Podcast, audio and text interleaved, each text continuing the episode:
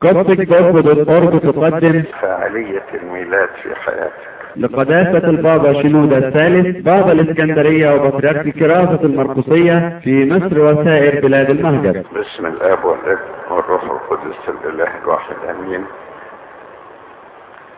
نشكر الله أن عيد الميلاد مر بخير وفرح للجميع.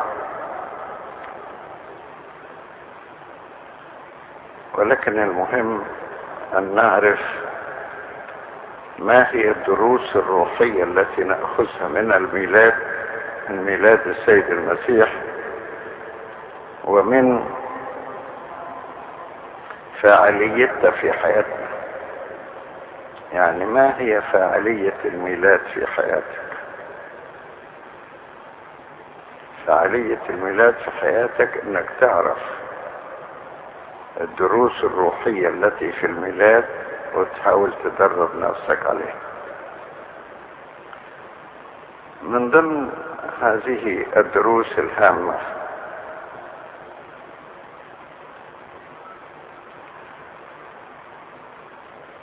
إنكار الذات أو أكثر من إنكار الذات إخلاء الذات والتواضع والبساطة. إلى آخره.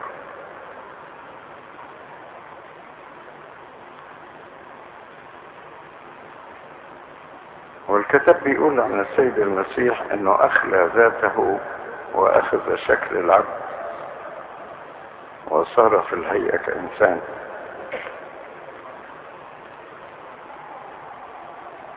عمل كل ده لكي نأخذ دروسا منه. وأخلى ذاته في الميلاد إذ ولد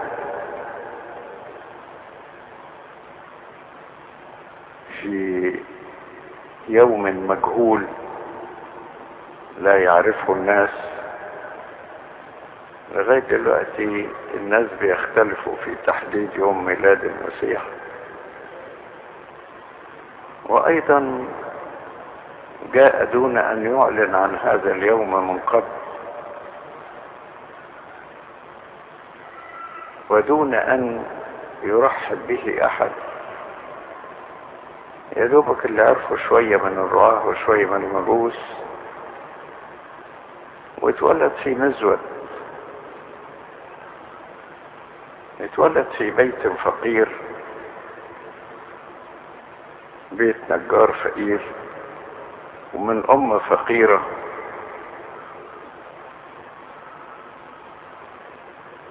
وفي بلد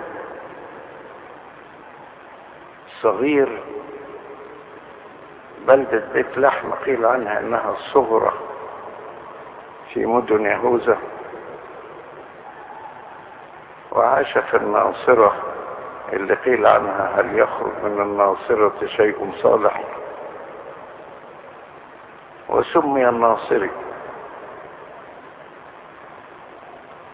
كل ده في نوع من أخلاق الذات. في ناس يحبوا البهرجة والفخفخة. والغنى. السيد المسيح ادانا درس إن الحاجات دي كلها هو داس عليها وانتصر عليها لكي يكون ذلك لنا مثلا مثلا ومسلكا بل إنه أخلى ذاته في كل مراحل تجسده على الأرض.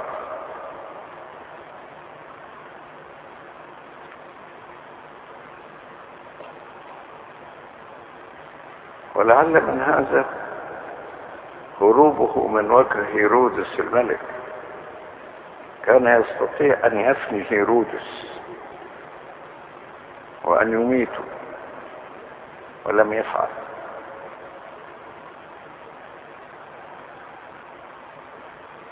ولكن ابتعد عن الشر وجاء إلى مصر فبارك مصر مدة ثلاث سنوات. ونص لكي يعطينا درسا أن إحنا نبتعد عن الشر. لا ننتقم منه وإنما نبتعد عنه. في هدوء كده.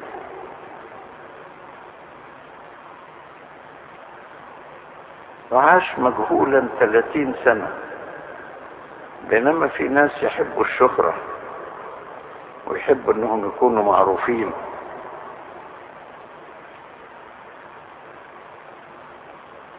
ويثوروا اذا كانوا مجهولين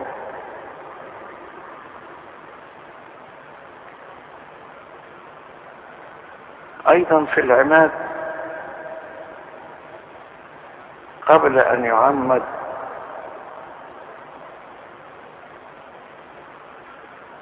من كاهن هو يوحنا المعمدان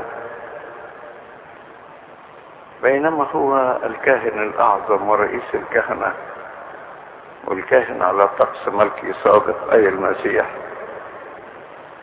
ولكن حتى هذا أيضا لم يتمسك به. وقبل إن هو يعمد من يوحنا. وحتى لما يوحنا قال له إن المحتاج أن أعتمد منك أجاب عليه في اتضاع شديد اسمح الآن. عجيب إن الرب يقول اسمح الآن.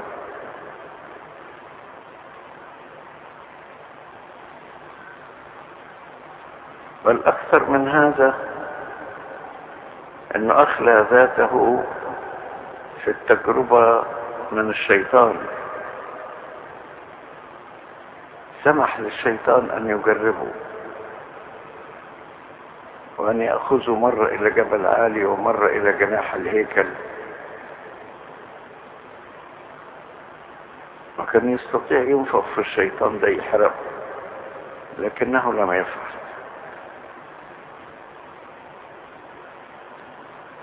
لم يهتم كثيرا بهذه المظاهر وبالكرامة الزائلة بل وصل سماحه للشيطان أن الشيطان قال له لك أعطي هذه كلها إن خررت وسجدت لي.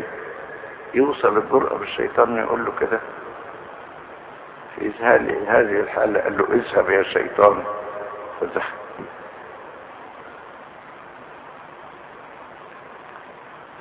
كل ده يعطينا فكرة إن إحنا لا نحب المظاهر الخارجية.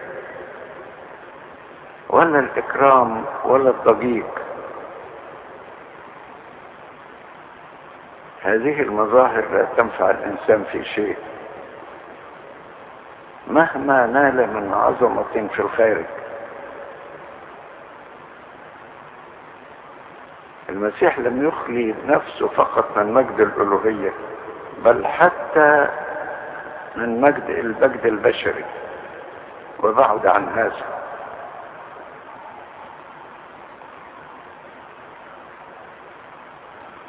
فاللي عايز ياخد درس من الميلاد يبعد أيضا عن كل هذه المظاهر وعن التمسك بال بالكرامة الزائدة إلى آخره.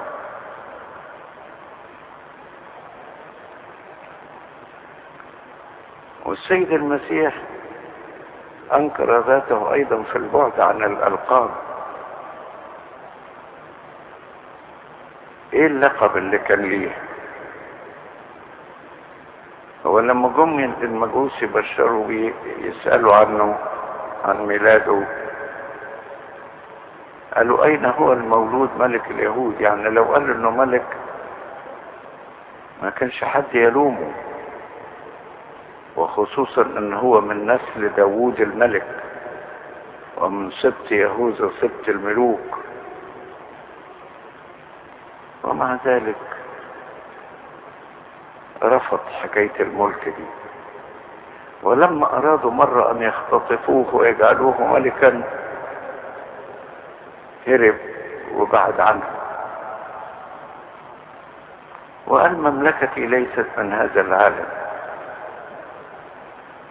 المسيح جاء بعيدا عن هذه المظاهر كلها في تواضع شديد. لكي يعطينا درسا في التواضع. وخصوصا إن العظمة دي هي التي حورب بها الشيطان لما قال أصعد إلى علو السماوات وضاء أجعل كرسي فوق كواكب الله وأصير مثل العلي. وأيضا حارب بها آدم وحواء. وقال لهم لن تموت فالله عالم أنكم يوم تأكلان من الشجرة تصيران مثل الله عارفين الخير والشر. بعد عن كل هذا لم يهتم بكل مظاهر العظمة الخارجية اللي بيحبوها الناس. عشان يعطينا نحن أيضا إن إحنا نبعد عن محبة المجد الباطل. القديسين يسموه المجد الباطل فين جلوري المجد الباطل. ونبعد عن محبة المديح والكرامة. ده لما هيرودس الملك مش مدح نفسه لما مدحه الناس بأنه صوته صوت إله وسكت وقبل هذا منهم ضربه ملاك فمات ده اللي عايز ياخد درس من. من ميلاد المسيح يبعد عن كل هذا طبعا مش سهل إن واحد يبعد عن الحاجات دي لكن كل ما يرفض هذا من قلب من قلبه وإذا مدح يفتكر خطاياه ونقائصه وعيوبه التي لا يعرفها أحد عنه يقدر يقاوم كلمات المديح التي مشارك. المسيح مش بس ابتعد عن لقب ملك حتى عن أي رئاسة أو أي كهنوت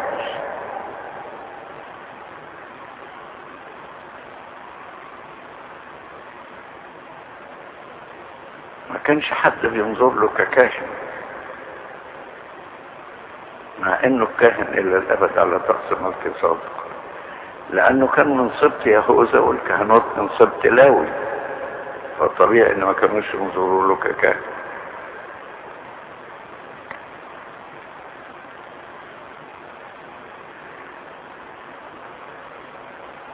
وفي نفس الوقت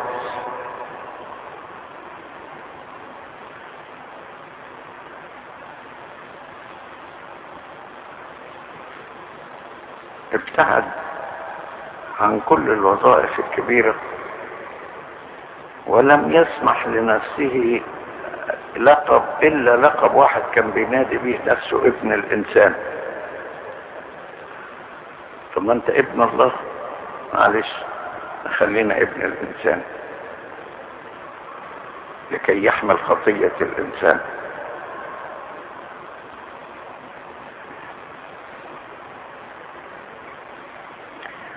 وفي نفس الوقت عاش في بساطة كاملة.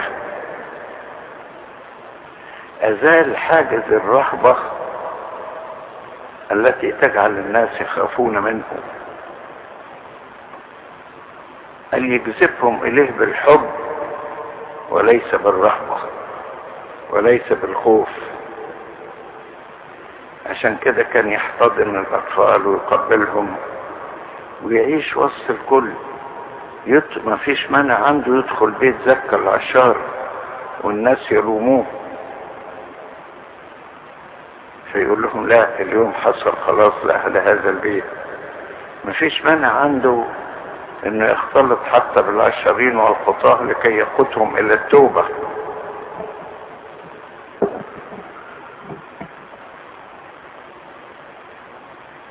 ما كانش بيجمع حوله علية القوم.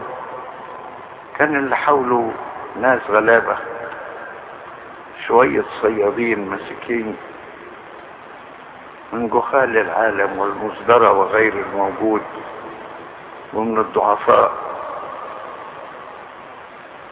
وبهذا الشكل عاش محبا ومحبوبا وسط الناس لأن أخلى ذاته من الرهبة ومن الهيبة التي تخيف الناس منه.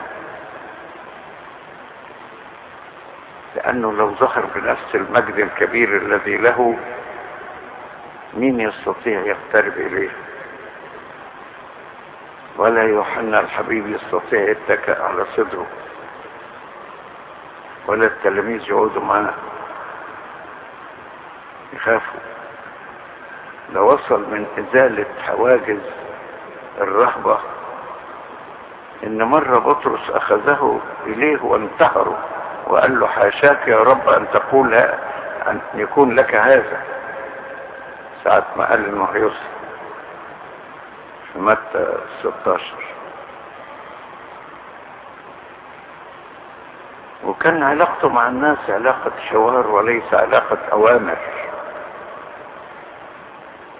ولذلك حتى تلاميذه سموهم الحواريين يعني اللي بيحاوروا معاه وياخدوا ويدوا في الكلام.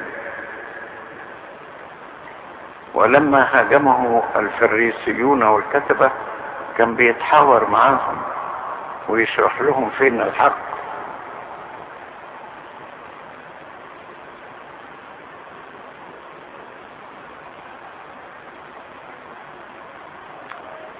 وعاش فقيرا ليس له أين يسب أين له أين يسند رأسه هذا الذي سماء السماوات لا تسع. ومع ذلك بيقول ليس له أين يسند رأسه. وهكذا كان يقول من مدينة لمدينة. مرة يبات في بيوت الناس أو يدخل بيوتهم. حتى في الوعظ ما كانش له مكان مش بس ليس له مكان أي ناس يدرسوا ولا مكان محدد يعظ فيه. كان أحيانا يوعظ على الجبل وأحيانا في البرية وأحيانا في الشوارع وأحيانا بين الحقول وأحيانا على شاطئ البحيرة. وليس له مكان. لا مكان ولا وظيفة ولا حاجة لأنه جه لكي يخزي المتكبرين ينزل الأعزاء عن الكراسي ويجلس المتواضعين. جه من أجل الغلابة. دي يا ريت إن كل واحد فينا لا يهتم فقط بعشرة الكبار والعظماء والأغنياء ولا يحتقر الضعفاء ولا المساكين ولا الفقراء ولا المذلين ولا يحتقر الخطاة أيضا. إنما يصلي من أجلهم ويعمل على هدايتهم إذا استطاع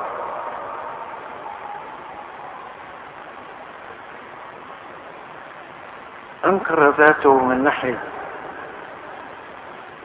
إنه لما كسر حاجز الهيبة والرهبة وأنكر ذاته سمح لكثير من الناس إنهم ينتقدوه وخصوصا الكتب والفريسيين. يا ما احتمل منهم. قيل عنه إنه هو أكول وشريب خمر. وقيل عنه إنه هو لا يحفظ السبت. وقيل عنه إنه هو ببعل زبول يخرج الشياطين. بل قالوا له مرة أليس حسنا؟ قلنا إنك سامري وبك شيطان. قبل كل هذه الإهانات من الناس. عشان يعطينا برضو فكرة إن إحنا ما نتضايقش. لو جات لنا مسبة أو إهانة من الناس فهو ياما احتمل سباب وإهانات. بل قيل عنه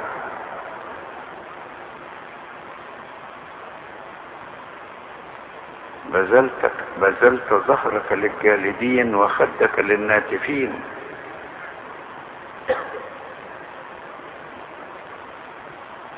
عجيب أنه يسمح لحد أن يلطمه وهو في هذا المجد العظيم.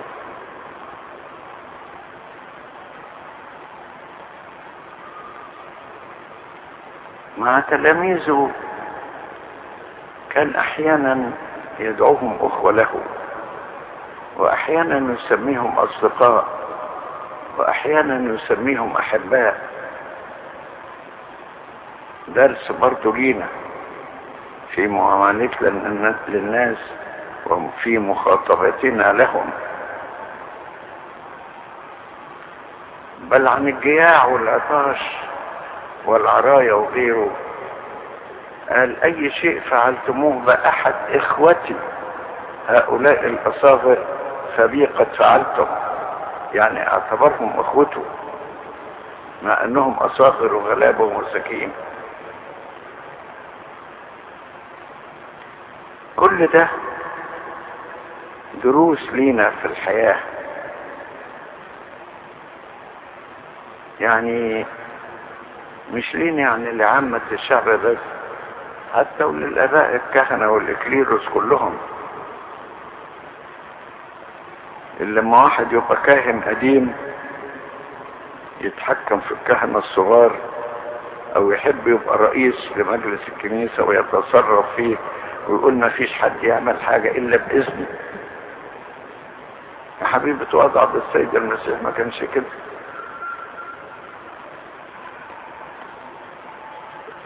أفتكر مرة كاهن اترسم جديد. سنة تسعة وخمسين. وقال لي اعطيني نصيحة قلت له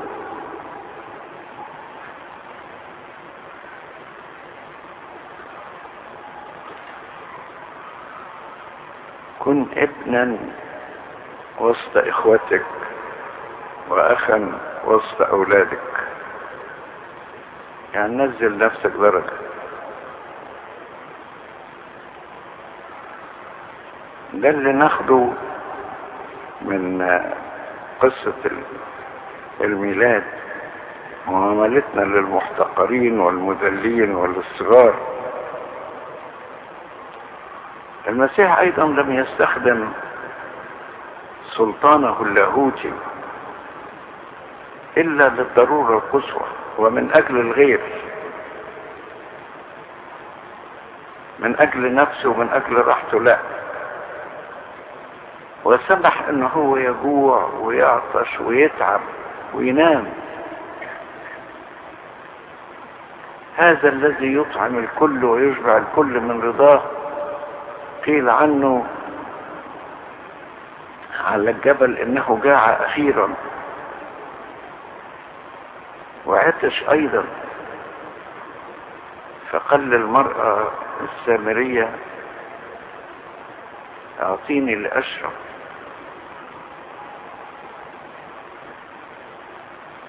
وقال في الصلب أنا عطشان.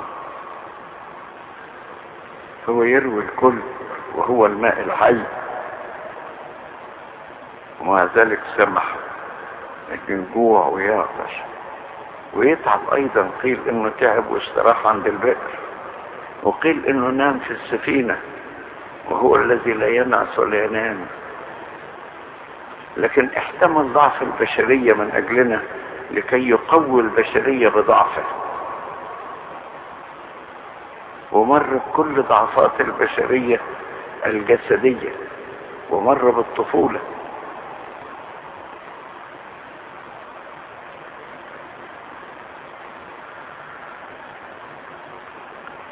كل ده علشان إحنا أيضا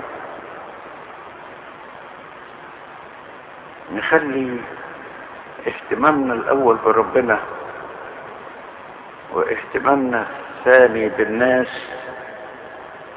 واهتمامنا بأنفسنا آخر الكل. لكي نشبه السيد المسيح في شيء من فضائله. بل هو أخلى ذاته أثناء محاكماته. سمح أن يحاكم أمام بيلاطس وأمام هيرودس. وسمح أنه يحاكم أمام مجلس السنهدريم.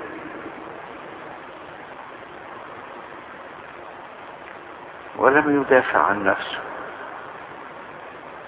برضه درس آخر للي عايز تكون فيه فاعلية للميلاد في حياته انه مش في كل وقت يدافع عن نفسه.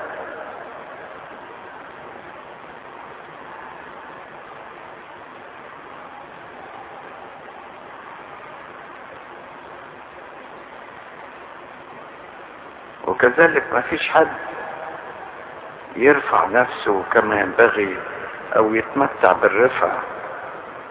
إن كنت رئيس أو مدير في أي مصلحة لا تعامل الذين يعملون معك كرئيس أو مدير. عاملهم كزملاء وكأخوة وكرفقاء. المسيح كان بيعامل الناس بهذا الشكل. وإذا اعطاك الله سلطان لا تستخدم السلطان. استخدم الحب وليس السلطة. السلطة تضر. مش تضر بس اللي بتقع عليهم السلطة تضر حتى اللي بيستخدم السلطة هو نفسه. وبالشكل ده تستفيد من حكاية السيد المسيح في ميلاده. وفي فقره وفي تواضعه وفي تعامله مع الآخرين.